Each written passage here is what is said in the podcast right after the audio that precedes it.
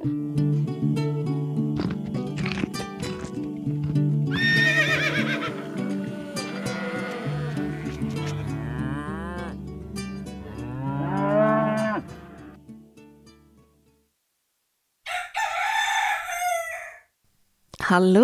Hei, hei.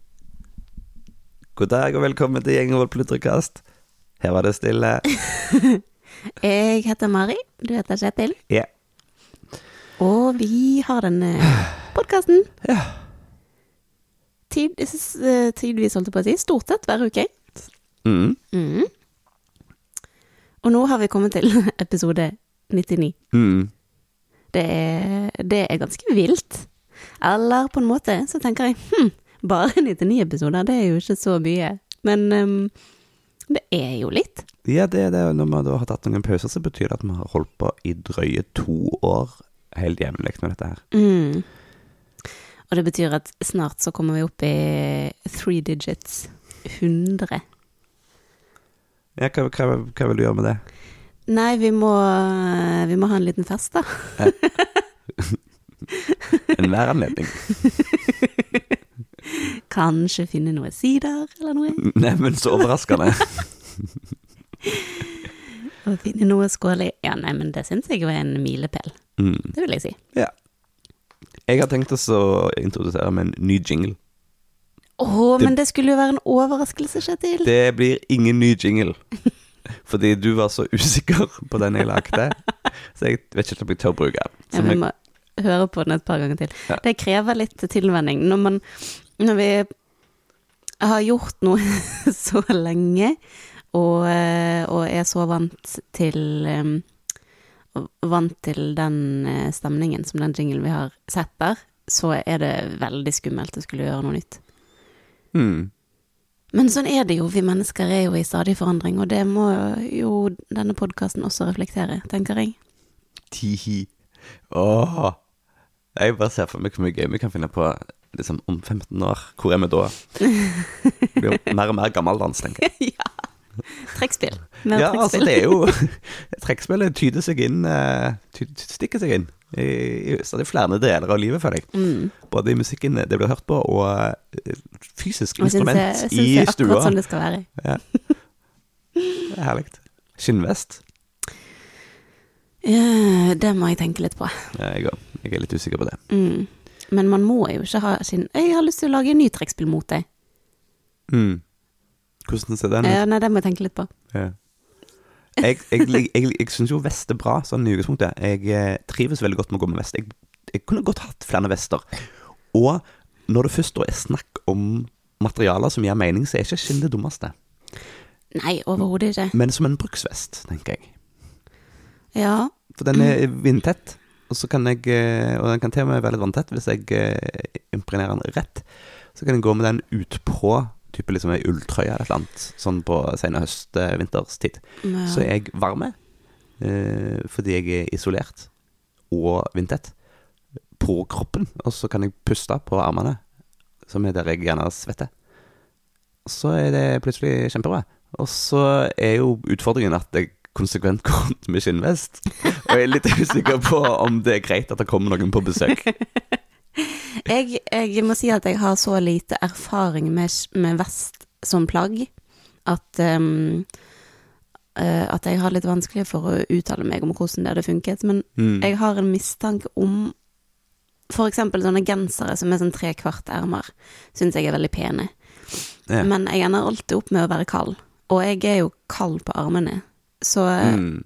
alle sånne plagg, med mindre det er midt på sommeren når jeg går i en T-skjorte, liksom, så er jo alle sånne plagg som ikke dekker dekker eh, alt. Eh, Alle de ek ekstreme lemmene, holdt på å si, ekstremitetene, er jo en kilde til konstant frustrasjon, fordi da trenger jeg jo bare flere plagg utenpå for å kompensere. Nettopp. Ja. Mens jeg eh, nesten det øyeblikket jeg tar på meg en genser, drar opp ermene. Ja, sant. Men jeg ville Men- blitt kjempefrustrert av en trekvart-genser. Ja, jeg skjønner ikke helt det der eh, em, Ja, jeg skjønner jo at, eh, at de indre organene på en måte skal ha prioritet, men de indre organene, altså torsoen, kroppen, Mm. er jo stort sett alltid det som er varmest i utgangspunktet. Så for min del hadde det gitt mer mening med eh, sokker for armene. Altså at du hadde, hadde noen som kledde armene, men ikke kroppen. Skal det, Mens skal for deg så er det motsatt. På, sånne små øyne på, og så sånne hår eh, av garn. Så kan du gå rundt og så snakke til folk. Ja, men sånn seriøst, armer og, og legger og lår. Eh, og føtter, da, så klart. Ekstra sokker. Alt Ja. annet enn selve kroppen Det er som det, som jeg fryser på. Ja, Husker du, det var en av de første tingene jeg strikket til deg. ja, Mm. det det var veldig romantisk. leggvarmere. Ja, det tjukkeste, tjukkeste garnet jeg fant. Ja. Men story of my life, jeg, det er der jeg fryser. Alltid. Mm. Fryser jo ikke på magen. Eller ryggen. Nei, ja, ryggen kan jeg, for det, jeg svetter, og så Mm. blir det kaldt. Så derav ull. Men øh, øh, jeg slipper jo å svette hvis jeg kan ventilere med armene. Så eh, det som det er det vanlige ninjatrikset mitt, er Altså når jeg da skal jobbe i eh, som kaldt vær, Mm. er å ha ei lange ulltrøye underst, og så ei T-skjorte utpå, som det laget som på en måte gjør eh, Altså som blir dobbelt, da. Mm. For å gi ekstra isolasjon rundt kroppen. Mm. Eh, og da ender jeg veldig ofte opp med å trekke opp de ermene, sånn at eh, iallfall underarmen da er bar. Sjøl i minusgrader jeg blir varme veldig fort når jeg begynner å gå. Mm. Skal ikke så mye arbeid til før det ja, Så da blir ermene dine på en måte tungen til hunden? Ja, det ja. stemmer. Så jeg, jeg, kan gå rundt liksom med, med, med ermene, og så er flaff, flaff, flaff, flaff, flaff, flaff, flaff. Hver gang det kommer folk på besøk, så kommer jeg bort og så flaff, flaff, flaff, flaff, flaff, flaff ja, i ansiktet med armene mine.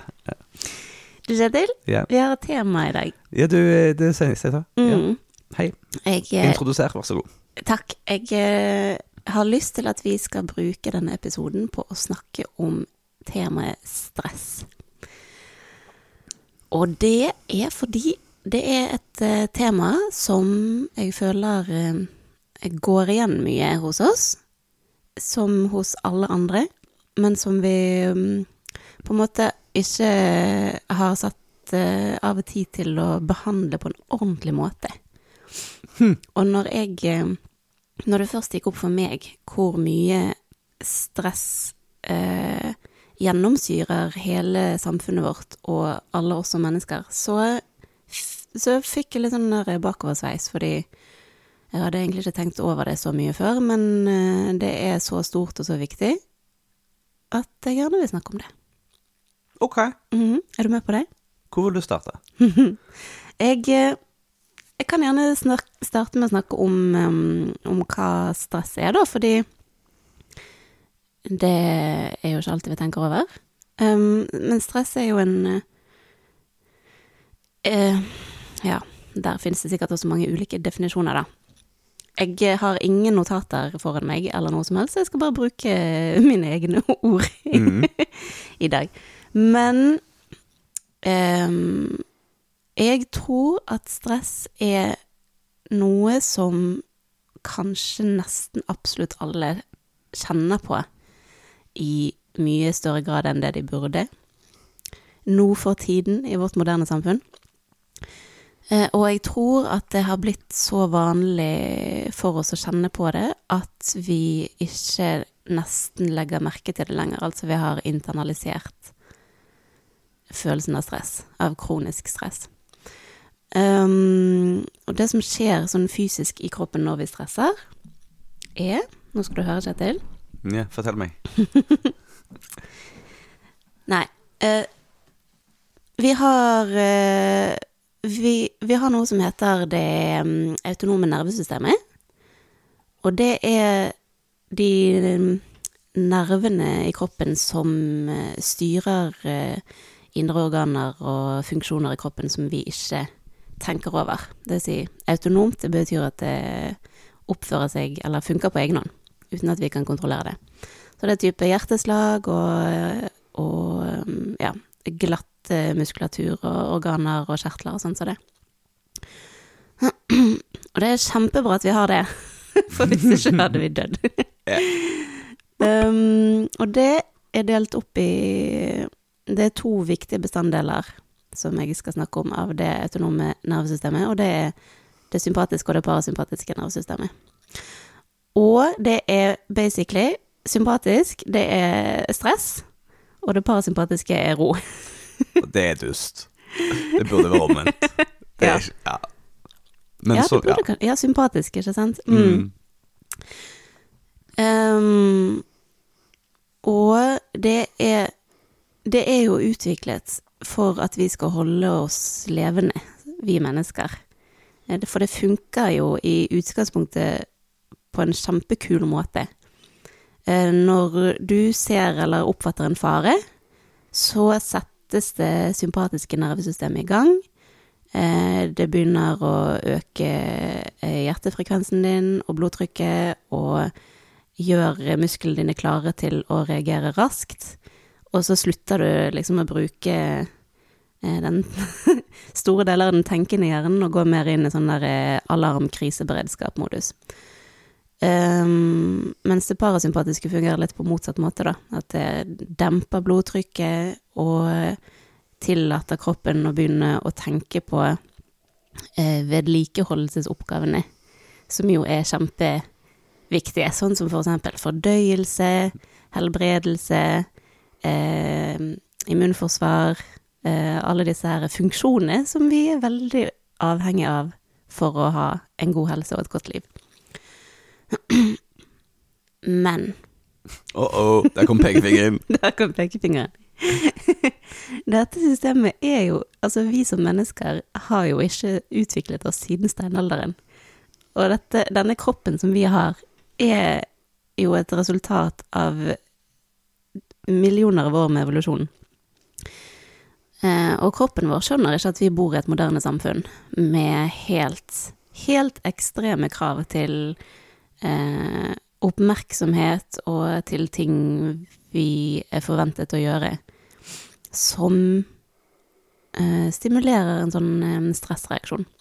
Så når dette nervesystemet ble utviklet, så vil jeg jo tenke at vi levde Altså, vi levde jo i et helt annet samfunn. Eh, det var jo knapt et samfunn da. Og, og vi var stort sett i det parasympatiske nervesystemet, på en måte. Vi var, vi var stort sett avslappet. Eh, mens eh, den derre eh, ja, det sympatiske nervesystemet, det vil si fight, flight or freeze, den kriseberedskapen, den kom jo i helt eh, spesielle tilfeller når vi følte på fare, når vi måtte reagere raskt. Og vi har jo ikke blitt utviklet til å være i den modusen eller den tilstanden mer enn en liten andel av tiden. Altså, regelen er jo at vi stort sett skal være avslappet, at kroppen stort sett skal kunne fokusere på å vedlikeholde og fikse og fungere som den skal, og så i unntakstilstander så skal vi kunne reagere raskt, og da er det kjempebra at eh, kroppen skifter modus. Men så ehm, er vi jo kommet dit at vi Jeg tror at det har blitt motsatt. Mm. Ja, og der eh, lærte jeg av noen psykologer at eh, det er to stresshormoner. Mm. Vi kjenner til ad- adrenalinet. Mm. Det er liksom det vanlige eh, stresshormonet. Det er det som sier alarm, og så idet du får økt hjerterytme, så får du litt mer omf i musklene, og Mm. eh, Og kjenner ikke smerte og sånn som det. ja, det er veldig praktisk av og til. Veldig praktisk hvis Det er veldig praktisk når du blir angrepet av en bjørn. Ja. Jeg har skulle til å si bjørn. Ja, se det. Ja. Stakkar bjørn. Hva er det han har gjort galt? Han har angrepet noen, da. Mm. Men eh, det andre er kortisol. Mm. Kortisol har veldig mye lengre nedbrytningstid. Så når du havner i en stressituasjon, så sier kroppen alarm, og så fyker adrenalin i gang. Eh, og så pumpes det ut eh, litt kortisol. Eh, og så når faren roer seg, eh, så er halveringstida på, eh, på adrenalin ganske kjappe. Eh, jeg husker ikke. Minutter. Ja, det vil si altså den tiden det tar for den å bli halvert, eller brytes ned, da, i kroppen. Eh, mens kortisol, den er timer. Mm. Så eh, hvis du da blir aktivert, så det heter så fint innen Altså litt sånn jevnlig. Mm. Annenhver time, eller hver tredje time, eller enda oftere, eller ja. Så rekker du liksom ikke å Du rekker ikke å eh, bli kvitt alt det stresshormonet. Mm. Så du ender opp med å gå og være konstant eh, stressa. Eller Mm. konstant eh, stresshormonpåvirka. Eh, og det er der, eh, så vidt jeg husker, eh, direkte sammenheng med, med, med dårlige helsegevinster. Mm. Eh, så ja, at at det, det, det blir målt eh, stresshormon, og det blir eh, kobla sammen med helsegreier. Og det er så skummelt, og det er så underkommunisert det der, fordi eh, vi, vi har på en måte normalisert det i så stor grad, det der stresset. Alle går rundt og, og kjenner på det, og så har vi liksom begynt bare å akseptere at ja, men det er sånn det er. Mm. Det er sånn det skal være. Og så, og så går vi rundt som samfunn og er stresset, alle sammen. Og det er akkurat det der som du sier med, ja, med halveringstid, og hvor, hvor, eh, hvor lite som skal til for at det hormonet virrer rundt i kroppen nesten egentlig konstant.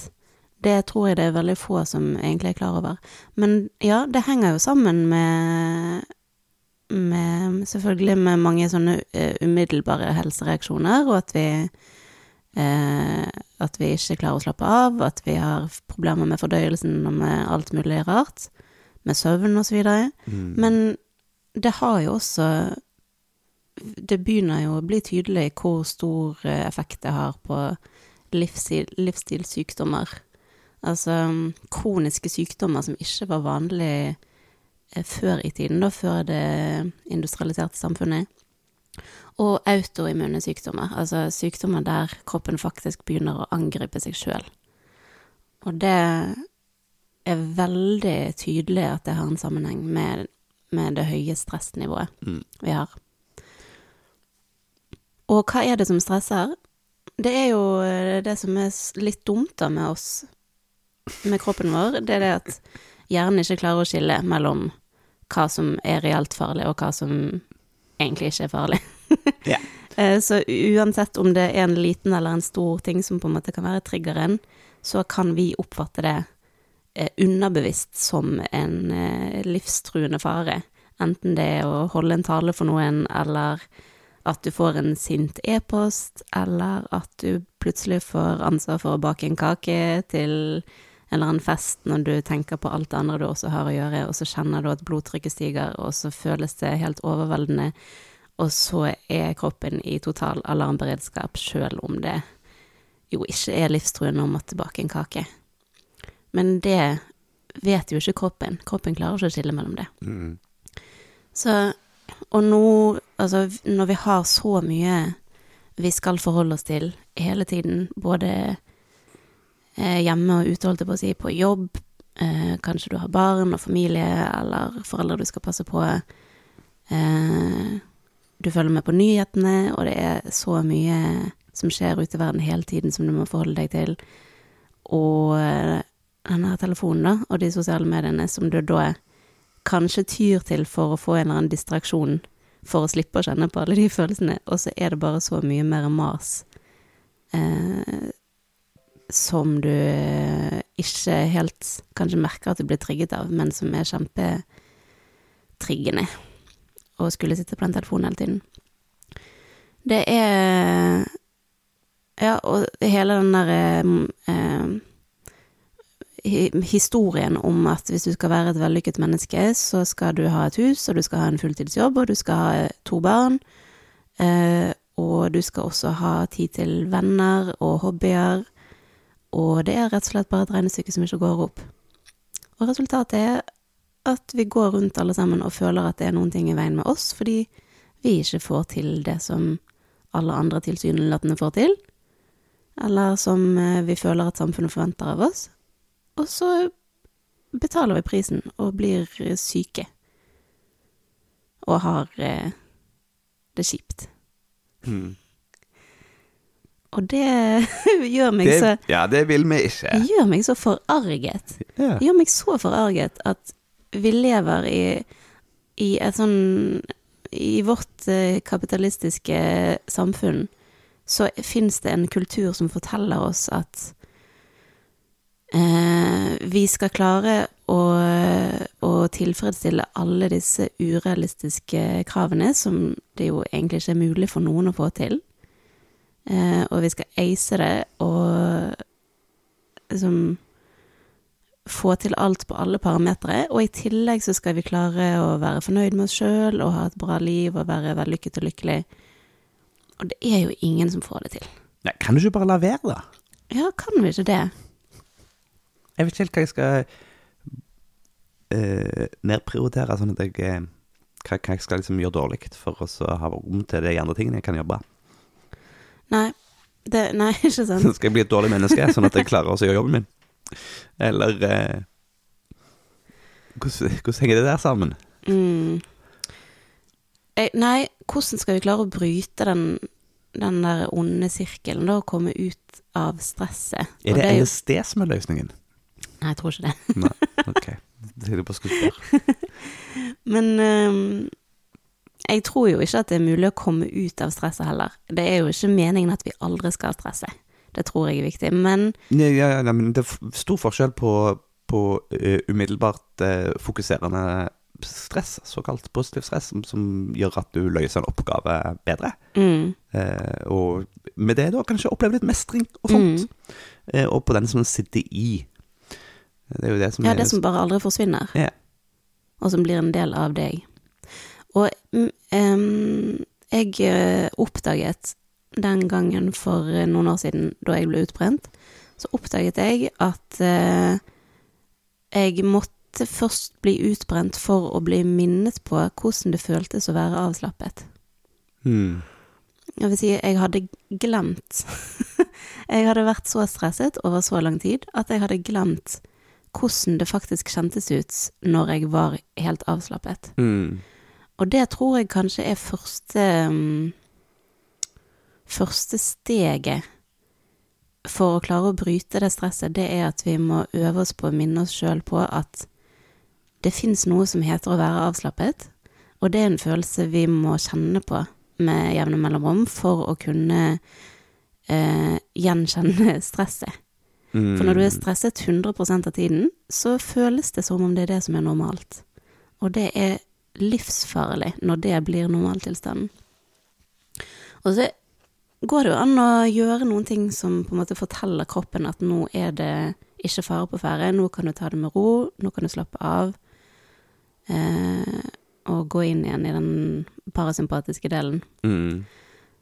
Eh, og noe av det aller viktigste der er faktisk eh, pusten.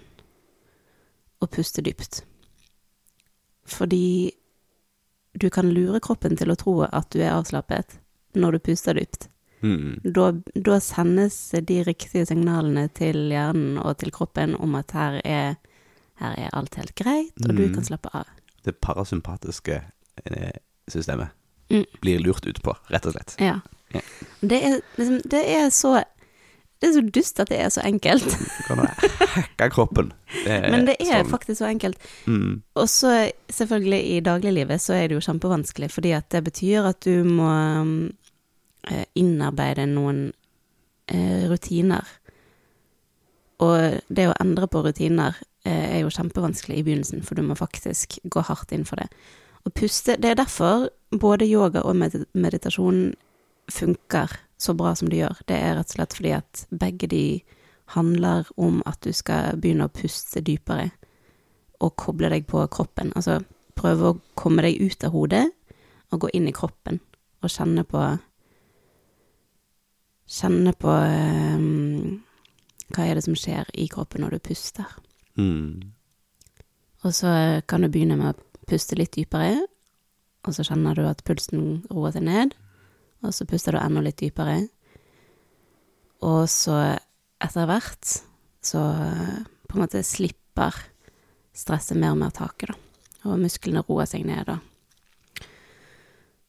Um, og ja, det høres enkelt ut, men det krever jo litt trening når du ikke er vant til det. Spesielt um, fordi at vi, vi har tillært oss å få stimulans hele tiden. Sånn at det å sette sette seg ned, for eksempel, og skulle meditere, eller sitte helt i stillhet i ti minutter uten noen telefon, uten noen lyder, og bare kjenne på pusten, det kan oppleves veldig skremmende, egentlig.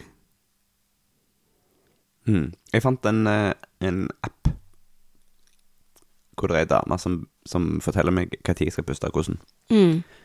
Eh, det syns jeg eh, var ganske effektivt. Det, det er mm, spesielt, da, hvis det er liksom ekstra heftigt, eh, heftige stressreaksjoner. Så er det ikke så lett å ta det grepet. Altså, det, liksom, det å, å sette seg ned og være stille i ti minutter, da trenger du liksom et utgangspunkt som er greit. Mm. Eller jeg gjør iallfall det. Jeg syns det er kjempevanskelig å, å gå fra ja, full, full aktivering til eh, å ta grep, da. Eh, men da er det ei dame som ber deg skje. Det er veldig praktisk. Det er veldig fint. Mm. Um, så puster du i pu- Puster jeg. Hun ber, meg om å puste i to-tre minutter, bare. Um, det er effektivt. Sinnssykt effektivt. Det er så kult, det. Mm. At du kan merke sånn umiddelbar effekt. effekt. Du tar jo ikke å fjerne alt. Altså, det Kortisolet ligger jo der fremdeles, for eksempel. Mm. Ja, det tar jo tid før, før musklene slapper av og ting kommer tilbake igjen. Men, uh, men utgangspunktet er veldig mye bedre. Mm. For det, ja, det er jo så fort gjort å havne i en sånn stressloop, hvor du blir stressa av stresset. Ja, så jager du deg mer og mer opp. Ja, da, blir det jo, da stopper du aldri opp. Mm. Men er dette en app som alle kan uh, finne, eller? Ja, gå i din, din vennlige app-store eller greier, og finn en som heter Smart, rett og slett. S-M-A-R-T. Hmm. Eh, Det er en, utviklet, en app utvikla av et eller annet kanadisk eh, universitet, som har da blitt eh, oversatt og gjort om på norsk. Utgitt av en eller annen offentlig organisasjon, husker ikke hvilken. en. som en sånn psykologisk helsehjelp, førstehjelp-app. Mm. Så det første du, du får når du åpner den opp, er liksom en serie med eh, tilstander du kan huke av på. Fysiske, mentale, emosjonelle. Eh, hvordan du har det akkurat nå. Sånn, puster du tyngre? Eh, er du kjempestressa? Sier du dumme ting til deg sjøl? Har du selvmordstanker? Huker du av alle de, og så får du forslag til eh, intervensjoner. Mm. Eh, og eventuelt da hvilket telefonnummer du burde ringe med en gang. Hvis det anses som så viktig. Hmm. Så jeg har bare benytta meg av pustinga foreløpig, for det er der jeg sliter mest. Men eh, jeg tror det er en liten gullgruve av ymse For det er både sånn førstehjelps eh, nå, nå er du aktivert, eller nå er, nå er verden ikke så bra. Eh, men så er det òg sånne opptreningsverktøy til Mm. å bli mer robust. Så kult. Mm. Det, den moderne teknologien kan bidra med noen Kan positive det ting være positiv av og til? av og til. Ja, det kan skje. Men når du puster, eller når, eh, når man setter seg ned og puster, eller mediterer, eller gjør yoga, eller på et eller annet vis klarer å, å roe litt ned og åpne opp for hva som skjer inni kroppen, hva er det som skjer da? Da dukker det jo ofte opp eh, masse følelser. Gjør ikke det det? Gjør det det hos deg? Uh, nei, ikke så stor grad. Det, det, er så, det er så Det er så eksplisitt fysiske reaksjoner Ja, uh, at det først og fremst handler om å hacke kroppen. ja sant. Mm. Ja, for, for meg så gjør det det. Det dukker opp mye følelser. Um, og jeg merker at når jeg um, er stresset over lengre tid, og ikke får rom til å til å um, roe ned, så uh, kobler jeg meg av de fleste følelsene jeg har. Eller liksom jeg Jeg skrur litt sånn av uh, uh, mitt indre følelsesliv.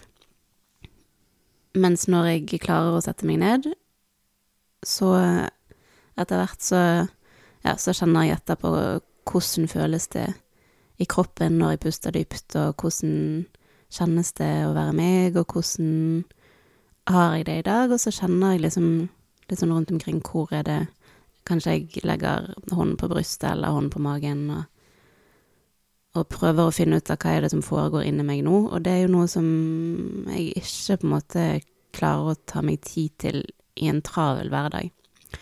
Og det vil jo si at det er når jeg roer ned at jeg faktisk eh, kjenner på hva som foregår inni meg, da.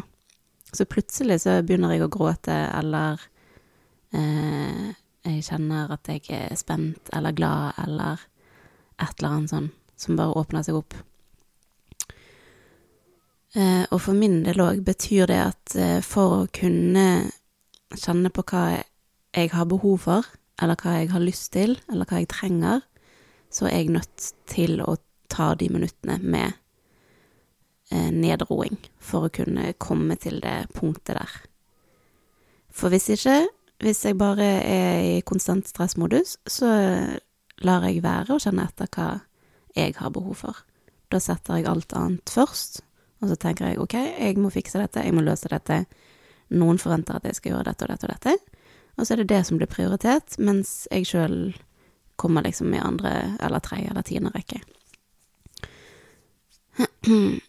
Og der kommer vi over på det som blir neste steg i å begrense stresset, da. Fordi jeg tror jo ikke det er nok at du klarer å sette deg ned og puste og roe deg ned og, og øve på å være i en tilstand hvor du tar det litt mer med ro, men du må også klare å komme til et punkt der du da sier at ok, jeg kjenner at uh, dette er det jeg trenger, dette er det som gjør meg rolig, dette er det jeg har lyst til, eller gir meg glede, eller gir meg energi. Og det betyr at jeg må strekke noen grenser. Mm. Jeg lærte to fine stikkord fra disse samme psykologene som prater om stresset. Eh, det var raushet og aksept. Eh, som eh, Ja da, overfor verden, men først og fremst overfor deg sjøl. Mm. Vær litt rause overfor ting du gjør, tenker, sier eller føler.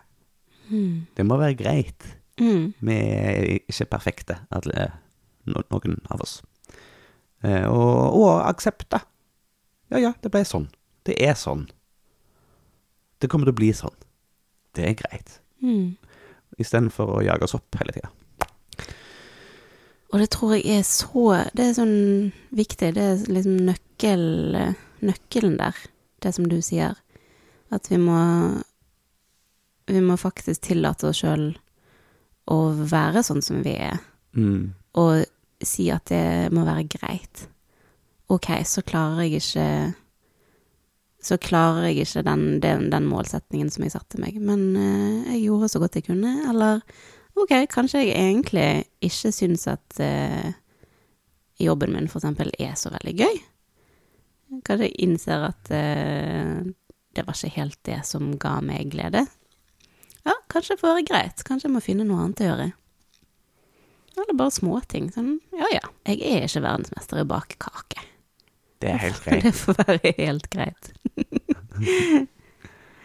um, men den grensesettingen tror jeg Jeg, jeg syns det er mange som snakker eh, Eller flere, flere som snakker om grensesetting, syns jeg, på sosiale medier og sånn. Og det syns jeg er kjempebra. For det er så eh, utrolig viktig. Hvis du ikke klarer Hvis du ikke klarer å sette grenser, hvis du ikke klarer å si at nå er det nok, nå, nå kan jeg ikke gjøre mer, eller nå, nå bestemmer jeg faktisk å la være å gjøre dette fordi jeg syns at jeg er verdt det, jeg fortjener det, eh, så, så klarer du ikke å bryte ut av den stressirkelen. Altså hvis du hele livet har vært vant til å være grenseløs, da, og hele tiden ofre dine egne behov for det, de forventningene du oppfatter at andre har til deg, så vil du aldri slutte å være stresset. Du vil bare komme inn i nye og nye situasjoner hvor du merker at kravene som blir stilt til deg, er høyere enn det du egentlig har kapasitet til å gi. Og derfor er det en sånn viktig linje som går fra å først øve seg på å roe ned, og så kjenne etter behovene sine, og så faktisk eh, reagere på de behovene ved å, ved å ytre de høyt. Og det kan være Kanskje det er mennesker i livet ditt som, som krever mer energi enn de gir tilbake, som du kanskje innser at du ikke trenger å ha i livet lenger. Eller, eh, ja, som jeg sa, jobb. Eller eh, sånne forventninger som du kanskje har lagt på deg sjøl fordi at du tror at det er sånn det er meningen at ting skal være. Um, forventninger til hvordan huset ditt skal se ut, eller hvordan du skal se ut, eller eh, hva for en mor eller datter eller venn du skal være. Alle sånne ting som kan eh, bygge seg opp, da, som til sammen utgjør mer enn det du klarer. Men det er jo kjempevanskelig da, å trekke de grensene, fordi at det betyr at uh, du faktisk må innrømme for deg sjøl at du uh, er verdt det. Mm. Mm. Mm. Og, og, vise den der egenkjærligheten til deg sjøl. For det er jo det du sier når du trekker en grense. Du sier at nå er min energi mer verdt enn dette her som du vil at jeg skal gjøre. Jeg velger nå å ta mer vare på meg sjøl og prioritere meg sjøl høyere enn dette andre som gjør meg stresset. Mm. Og det, det tror jeg det er mange som aldri har egentlig turt å si før i sitt liv. Nei, nei. Det er jo Ja, det er jo den ene varianten. Jeg opplever det jo øh,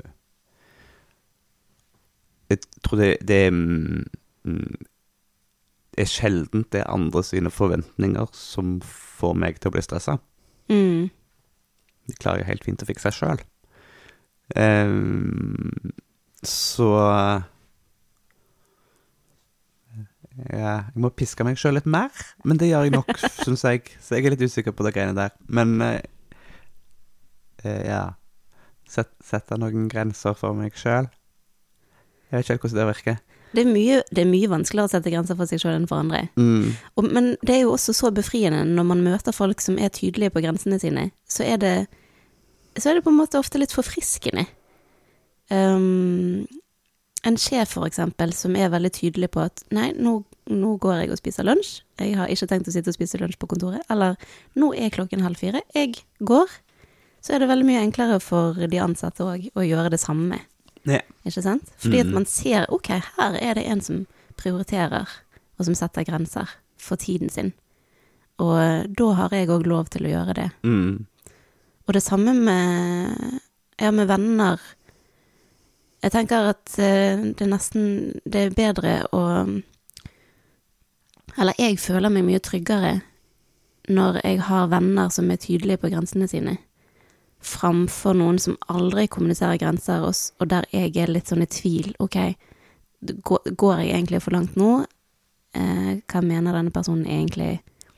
Som for eksempel bare Du, jeg, hvis noen sier 'jeg er litt sliten nå, jeg trenger å være hjemme i kveld', Eh, men jeg vil gjerne gjøre denne hyggelige tingen med deg en annen gang, så tenker jeg liksom åh, så, så deilig at, eh, at de kommuniserer det, at de klarer å si det tydelig, for da vet jeg at en annen gang når den personen sier at de har lyst til å finne på noen ting, så, så gjør de det fordi at de har overskudd og lyst.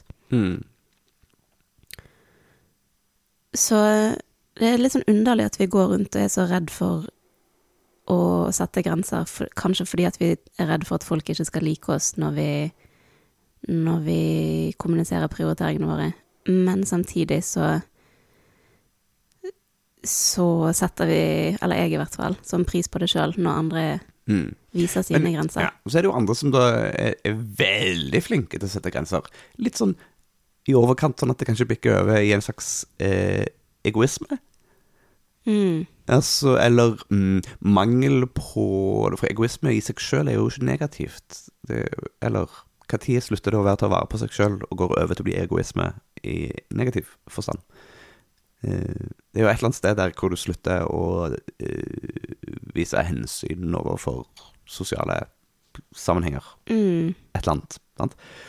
Hvor eh, det kollektive må får bare lide fordi jeg er viktigere. Har du noen konkrete eksempler? Nei.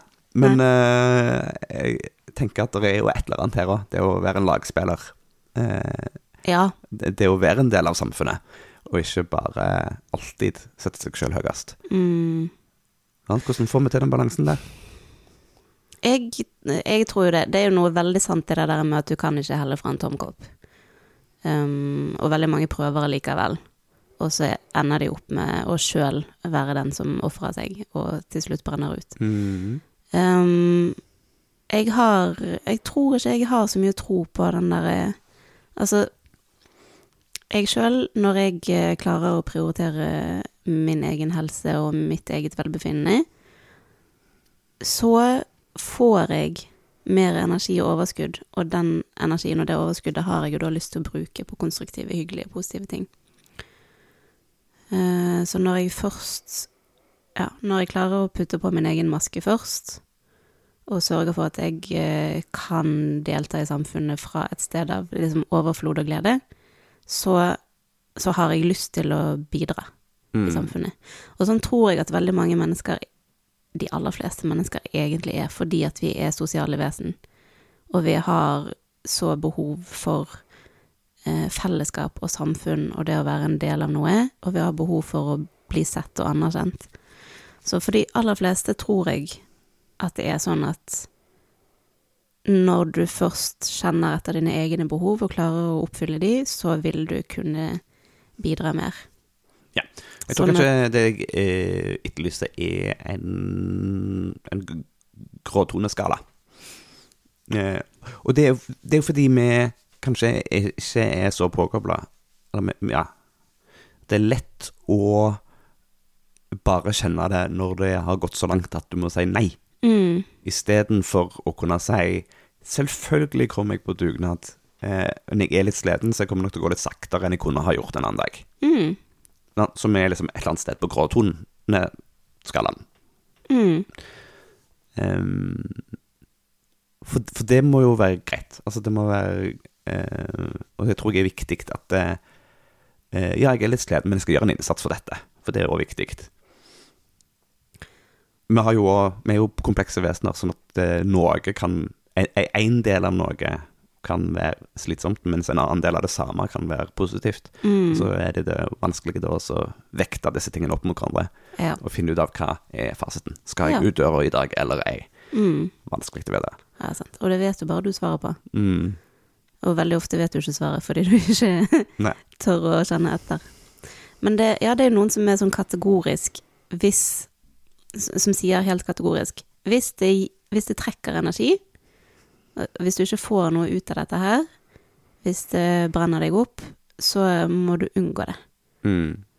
eh, for enhver pris. Du må bare la det gi, gi slipp på det, uansett hva det er, for å ta vare på deg sjøl. og i realiteten så, så er det jo veldig få som lever sånn. De aller fleste av oss gjør jo ting vi ikke har lyst til å gjøre. Og da er spørsmålet hvor lenge kan du holde på å gjøre de tingene før, Mm. før du på en måte må si eh, stopp. Og der tror jeg at de aller fleste fortsetter å gjøre de tingene mye lenger enn det de burde. Ja, det stemmer nok. Og, og jeg, Mm. jeg tror jo at i de aller fleste tilfeller så burde vi gi opp mye før. Mm. Men tenk, altså, det, mm, vi er jo skrudd sammen forskjellig. Ja? Så for noen så er det helt kult å dra på en jobb som ikke er eh, inspirerende i det hele tatt, som kanskje til og med er litt kjip og slitsom. Eh, men fordi, når de drar, så får de de pengene de trenger til å leve det livet de ønsker. Ja, men er det egentlig sant? Ja, det tror jeg er helt sant, fordi vi er skrudd sammen litt forskjellig. Det er ikke alle som har behov for å føle eh, at noe er viktig hele tida. Det er helt greit å liksom bare skru av, gjøre jobben sin, og så gå hjem og skru på igjen. Folk er Ja. forskjellige der. Ja, ja, jeg mm. Mm. Men ja. ja. ja.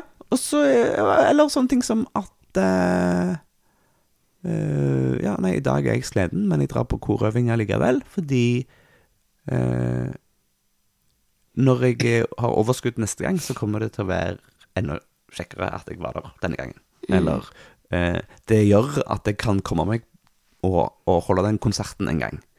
Eh, Mm. Det er verdt å gjøre noe som jeg syns er vanskelig nå, fordi gevinsten er, er større. Ja. ja, der er jeg helt enig med deg. Det er mange ganger man eh, kanskje ikke helt føler for å gjøre en ting som man egentlig vet at man setter pris på, enten på kort eller lang sikt, Mm. som den korøvingen. Eh, jeg, jeg går jo på kor sjøl, og vet at av og til så har jeg ikke lyst, men i etterkant så er jeg jo aldri lei meg for at jeg gikk. Mm. Det er det samme med trening, bortsett fra at jeg har ikke, det, jeg har ikke noe mangel på motivasjon for å trene, men det er jo veldig mange som har det. Uh, og sånne type ting, de angrer man jo aldri i etterkant på at man gjorde. Og det tror jeg jo er, et, er en god måte å skille da, mellom det som Mm. er bra og ikke så bra. Fordi den jobben som du aldri gleder deg til å gå på, og som når du er ferdig, du heller ikke var glad for at du gikk på.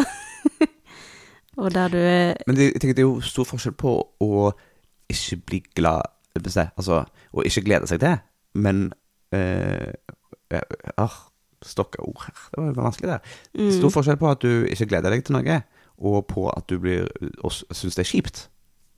Altså, noe kan på en måte være nøytralt. Det er helt greit. Kanskje det? Jeg vet ikke helt. Det tror jeg. Det kan, det kan være helt greit. Og så er det eh, Ja, men det er hyggelig sosialt, da. Det er kjekke folk. mm, Så er det jobben liksom mm, Helt greit. ja. Men så har vi jo en lunsjpause, da. Det er hyggelig. Og så, og så får jeg da lønnsslippen min, som gjør at jeg kan dra til Gran Canaria en gang i året. Mm. Altså, det er litt sånn Ja. Ja, jeg øhm, Det høres ut som om det burde være mulig. Mens Jeg kan ikke si at jeg opplever det så ofte. Som regel så er det Det er litt sånn som muskler. Muskler vedlikeholdes jo ikke. De er, de er aldri på stedet hvil. Enten så vokser de, eller så svekkes de. tenkte uff a meg. Det er ikke noe kjekt å tenke på. Så enten så er de eh, anaboliske eller kataboliske. Og for min del så er det litt det samme med alt. At enten så gir det meg energi, eller så tar det energi. Mm. Eh, det er veldig lite jeg kan komme på som er sånn helt nøytralt. Kanskje vaker det litt sånn på midten der. Først er det litt opp, så er det litt ned, så er det litt opp, så er det litt ned. Men de er sjelden helt sånn på linje. Mm. Men du er jo et furrig vesen. Det er ikke alle som Ja. er like furrige eh, og påkobla sine følelser Nei, som men det er nettopp det. Jeg tror at det er flere som egentlig er fyrige enn det som vises. Og det er det samme med Ok, for noen Jeg skal ikke utelukke det at for noen så, så er det kanskje faktisk helt, helt greit å ha en helt grei jobb, og de er fornøyde med det. Mm. Det kan nok også være. Men jeg tror òg at det er ganske mange som av pragmatiske grunner, eller eh, av grunner som at de forteller seg sjøl at det ikke finnes noe bedre der ute, eller at det er skummelt å skulle gå fra den jobben de har, blir værende i den jobben sjøl om den ikke gir de energi eller glede. Jeg tror Ja, ja, det er ganske ja, mange ja. av det. Ja, ja, helt klart. Helt klart. Uh, men uh, um, ja. Det at du ikke har en inspirerende jobb, trenger ikke bety at du blir stressa av andre. Som var egentlig var det med starta. ja, sånn, ja. Det betyr ikke at du nødvendigvis får negativ eh, stressreaksjoner om morgenen når du er på vei til jobb. Eh, Um, det betyr bare at den er sånn Nei, ja ja, så putter vi oss med det. Ja. Så Men det du får en stressreaksjon av, det er um, Det er når eh, eh, ditt indre ikke harmonerer med det ytre. Det vil si hvis du har uh, Hvis du har en overbevisning inni deg som du ikke klarer å uttrykke. Enten det er at du eh, føler du har en meningsløs jobb, eller en jobb der du ikke får gjort eh, liksom eh, din purpose. Altså alle disse bullshit-jobbene, for eksempel, mm, nå, som beviselig fører til at folk blir ulykkelige og stresset. Det er et eksempel på det. Et uh, annet eksempel er undertrykking av følelser, at du ikke klarer å, å vise følelsene dine, altså hele spekteret av følelser. Og det er kjempeinteressant, fordi eh, i en bok som heter When the Body Says No, så handler det veldig mye om hvordan stress og eh, og um, undertrykking av følelser eh, fører til veldig mange sykdommer. Og der eh, nevner de blant annet eh, eh, kreftpersonligheten. At de som Eller at det har vist seg at veldig mange av de som får kreft, har en type personlighet som Ja, kreft og en del andre lidelser, faktisk. Eh, og det er de som er så snille og hyggelige hele tiden, som blir syke. Det er de som er mest utsatt for sykdom. Hm. Og det, når han forfatteren da, som er lege, som har skrevet den boken, har jo intervjuet veldig mange pasienter. Og når han um, intervjuet de, de blide og hyggelige folkene, så kom det jo fram at de er jo ikke blide og hyggelige, men de har en ekstrem um, undertrykking av negative følelser. Altså at de ikke uh, tør å vise sinne, for eksempel. Uh, at de fra liten av ble lært opp til at uh, når du viser sinne, så, så er det noe farlig og noe skummelt, så det er best å ikke vise det og ha det inni deg. Eller klaging eller andre sånne såkalte negative følelser, da. Så de menneskene som oftest ble syke, var de som hadde lært seg til å holde de tingene inni seg. Og det skaper jo òg kronisk stress, Mm. fordi at det er um, Du prøver å regulere et eller annet som ikke får utløp, og det skaper stressreaksjoner. Og det tror jeg nok er, mye det samme når du har en jobb, eksempel, der du føler at dette samsvarer ikke med mine verdier eller det jeg ønsker å få til i verden. Jeg klarer ikke å få utløp for det som jeg har inni meg i denne jobben, og det gjør, meg, eh, gjør at jeg mistrives, og det gjør at jeg blir stresset. Så det, jeg tror ikke nødvendigvis at det er Altså, eh, nivået av stress du føler, tror jeg ikke nødvendigvis alltid henger sammen med eh, den objektive mengden med oppgaver du til enhver tid har. Nei, det er nei, ikke nei, nei. nødvendigvis sånn at- du har 100 ting på to do-listen, og alle kan se at du er travel hele tiden, så derfor må du være stresset. Du kan helt fint være stresset ved å ha en eh, såkalt helt normal jobb og et helt normalt eh, press, Mm. men fordi at du sjøl opplever at du blir så aktivert av det, så eh, blir stressreaksjonene så mye høyere. Så stress er jo virkelig ingen objektiv sannhet. Det er jo Alt handler om hvordan du, kroppen din og hjernen din, oppfatter den situasjonen du er i. Mm. Det er noe dritt.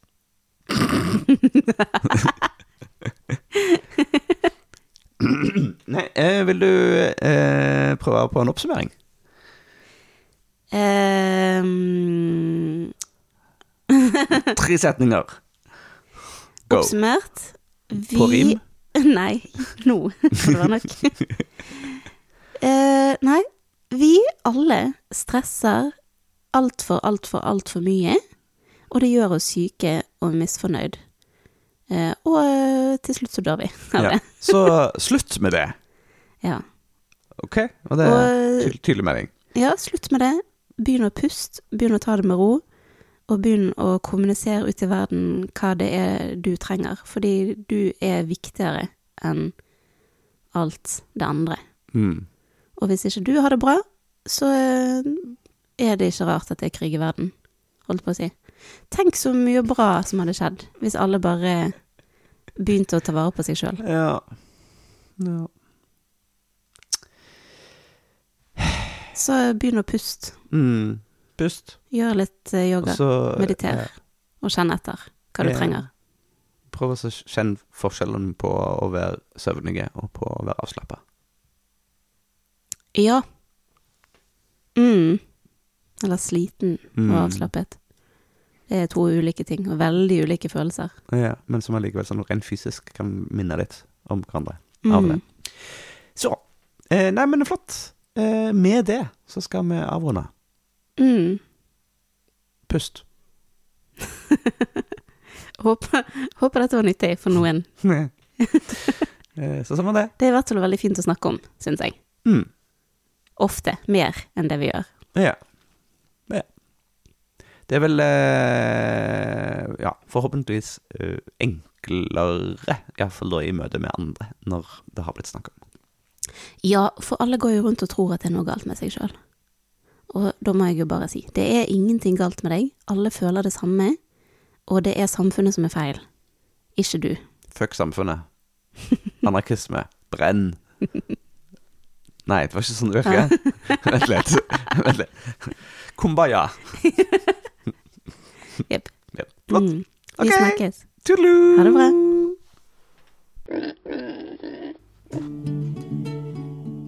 Tusen takk for at du har hørt på Gjengevold pludrekast. Hvis du har en tilbakemelding på podkasten, så blir vi kjempeglad for å høre fra deg. Er det noe du syns vi skal snakke mer om, eller noe vi bør snakke mindre om, så kan du sende oss en melding på e-post på hallo.krøllalfa.gjengevold.no. krøllalfa gjengevold.no. Du kan også komme i kontakt med oss på Facebook på Gjengevold mangesysleri, på Instagram et mangesysleriet, og på nettsidene våre gjengevold.no. Vi setter utrolig stor pris på å høre fra deg, og vi blir ekstra glad hvis du har lyst til å dele denne podkasten med en venn.